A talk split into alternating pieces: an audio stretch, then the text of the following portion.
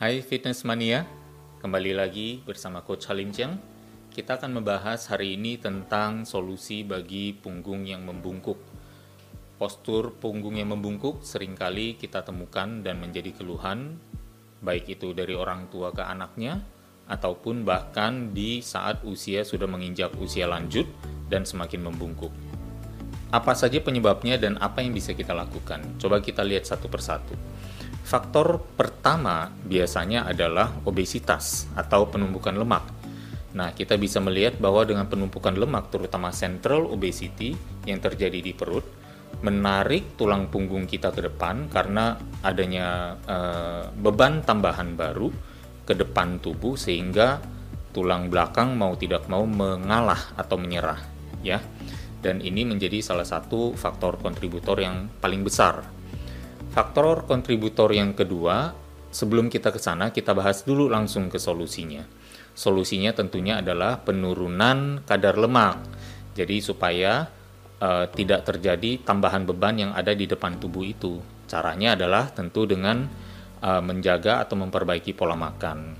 Misalnya uh, dengan mengatur empat komponen makan itu. Ada namanya uh, sumber penyajian, kemudian ada juga timing dan jadwal dan juga frekuensi dan juga ada yang namanya uh, jumlah. Nah, empat komponen diet inilah yang perlu diperbaiki buat menjadi lebih bagus. Lakukan latihan beban untuk memperkuat otot, terutama otot-otot di sekitar punggung ya, dan juga secara menyeluruh di seluruh tubuh supaya seimbang. Dengan keseimbangan inilah tidak terjadi ketimpangan tertarik ke depan atau uh, timpang ke belakang atau ke samping kanan maupun kiri.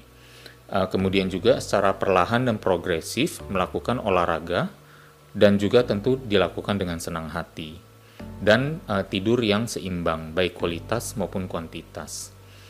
Nah, sekarang ke faktor yang kedua yaitu terjadinya kebiasaan postural seperti contoh duduk di sofa ataupun menggunakan HP ya atau misalnya bekerja di kantor yang terlalu lama, duduk terlalu lama sehingga akhirnya makin lama posturnya semakin membungkuk ke depan.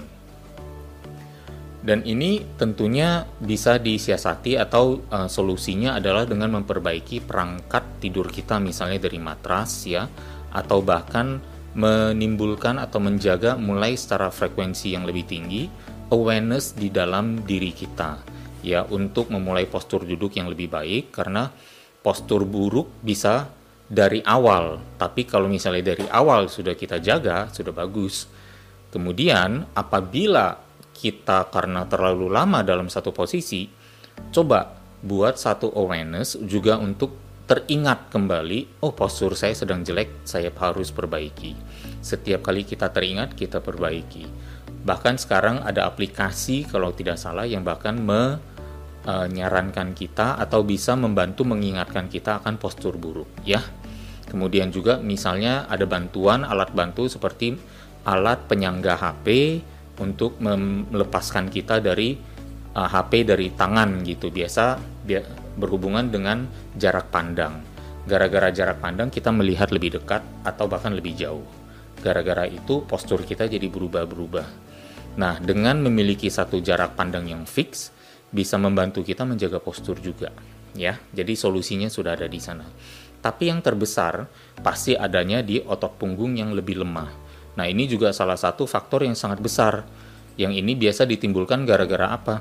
Kita terutama misalnya orang-orang yang berolahraga, baik fitness entah itu di rumah maupun di gym, ya, melakukan otot uh, latihan pada otot-otot tubuh bagian depan yang terlihat oleh cermin sehingga kita lebih cenderung menguatkan sehingga ter, terlupakan bagian punggung gitu dan ada bagian punggung yang tidak terlatih. Bagaimana kita melatihnya? Kita lihat satu persatu. Punggung memiliki tiga lapisan ya, uh, tiga lapisan otot. Tetapi kita lihat di sini bahwa sebenarnya dari analisis berbagai derajat kemiringan bungkuk saja sudah ada evaluasi dan konklusi mengatakan upper back itu mengalami uh, yang namanya weaken atau pelemahan ya, pelemahan pada bagian upper back. Nah, punggung memiliki tiga lapis otot. Otot yang terlihat di sini, yang di bagian yang saya beri uh, link apa namanya kotak kuning, adalah otot-otot yang di gambar kiri. Ya, di sisi kiri adalah otot lapisan paling atas, yaitu trapezius tengah. Kemudian ada rhomboids juga di lapisan yang tengah, yang di sisi kanan, ya. Lapisan tengah maksudnya lapisan atas, lapisan kedua dan lapisan yang paling dalam. Kita bahas dulu dua lapisan yang teratas ini dengan gerakan yang namanya scapular retraction. Scapular retraction bisa kita mulai dengan yang nomor satu gerakan di atas maupun gerakan di bawah lebih kurang sama saja. Caranya adalah misalnya dengan lengan kita kita lurus ya, lalu kita bahunya dengan kondisi seolah-olah membungkuk atau bahu didorong ke depan, kita sisip tarik ke belakang. Ke depan kita sisip tarik ke belakang dan kita buat ada tarikan beban dari depan sehingga kita ada tantangan untuk ke belakang ada tantangan untuk ke belakang. Nah ini kita lakukan berulang-ulang untuk memperkuat. Tidak hanya di satu sisi kanan kiri juga atau bahkan kedua-duanya kita tarik. Kita tarik ya. Jadi kedua-duanya kita sisip tarik ke belakang. Nah ini yang nanti akan memperkuat dua otot lapisan atas yang ada di gambar berikut ini ya.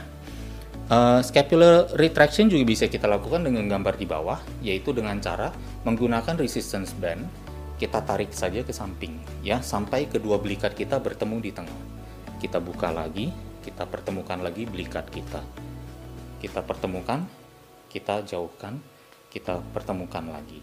Nah, kegiatan-kegiatan ini akan memperkuat otot-otot punggung supaya menguat dan seimbang dengan kekuatan otot yang ada di depan tubuh.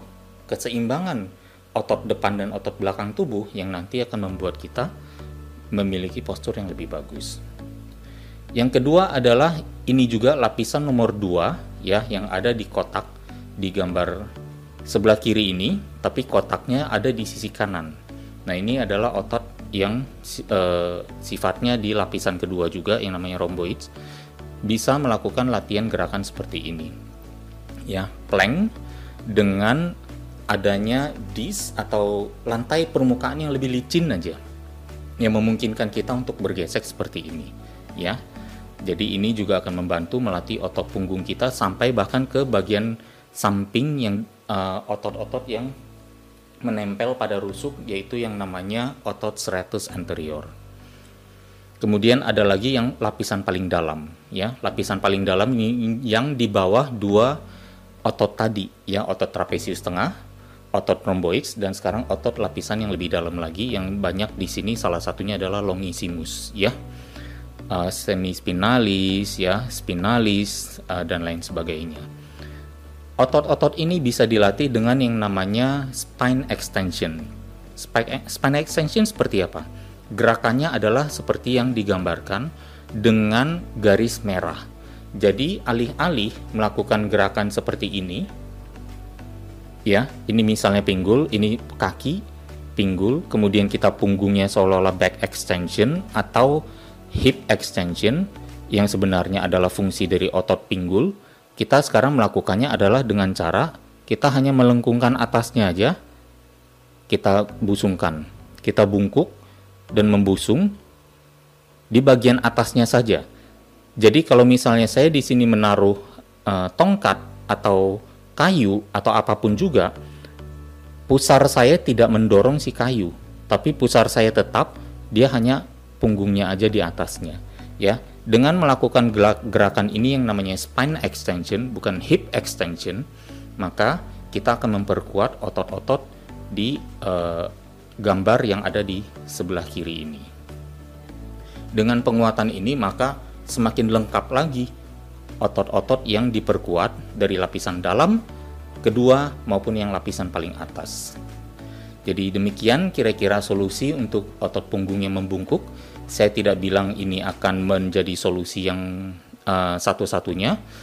Mumpung kita masih uh, sehat, kondisinya belum menahun, belum kronis, maka kita masih bisa melakukan kegiatan-kegiatan ini di rumah dan untuk uh, memperbaiki kondisi sebelum terlalu parah. Kalau memang sudah terlalu parah, ya tentunya harus melihat ke spesialis ya, harus berkonsultasi dengan spesialis, biasanya entah itu dengan uh, fisioterapis atau dengan chiropractor. Uh, jadi terserah bisa dipilih yang mana, tapi tetap kita uh, utamakan dulu mencegah lebih baik daripada mengobati.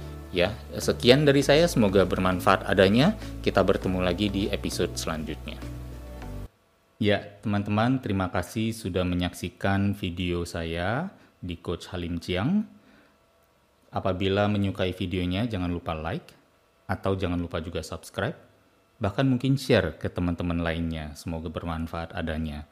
Dan jika ada komentar atau mungkin usulan topik-topik yang ingin saya bahas, silakan ditulis uh, di komentar. Nanti akan saya coba pertimbangkan untuk saya masukkan ke dalam video-video uh, selanjutnya. Terima kasih atas perhatiannya.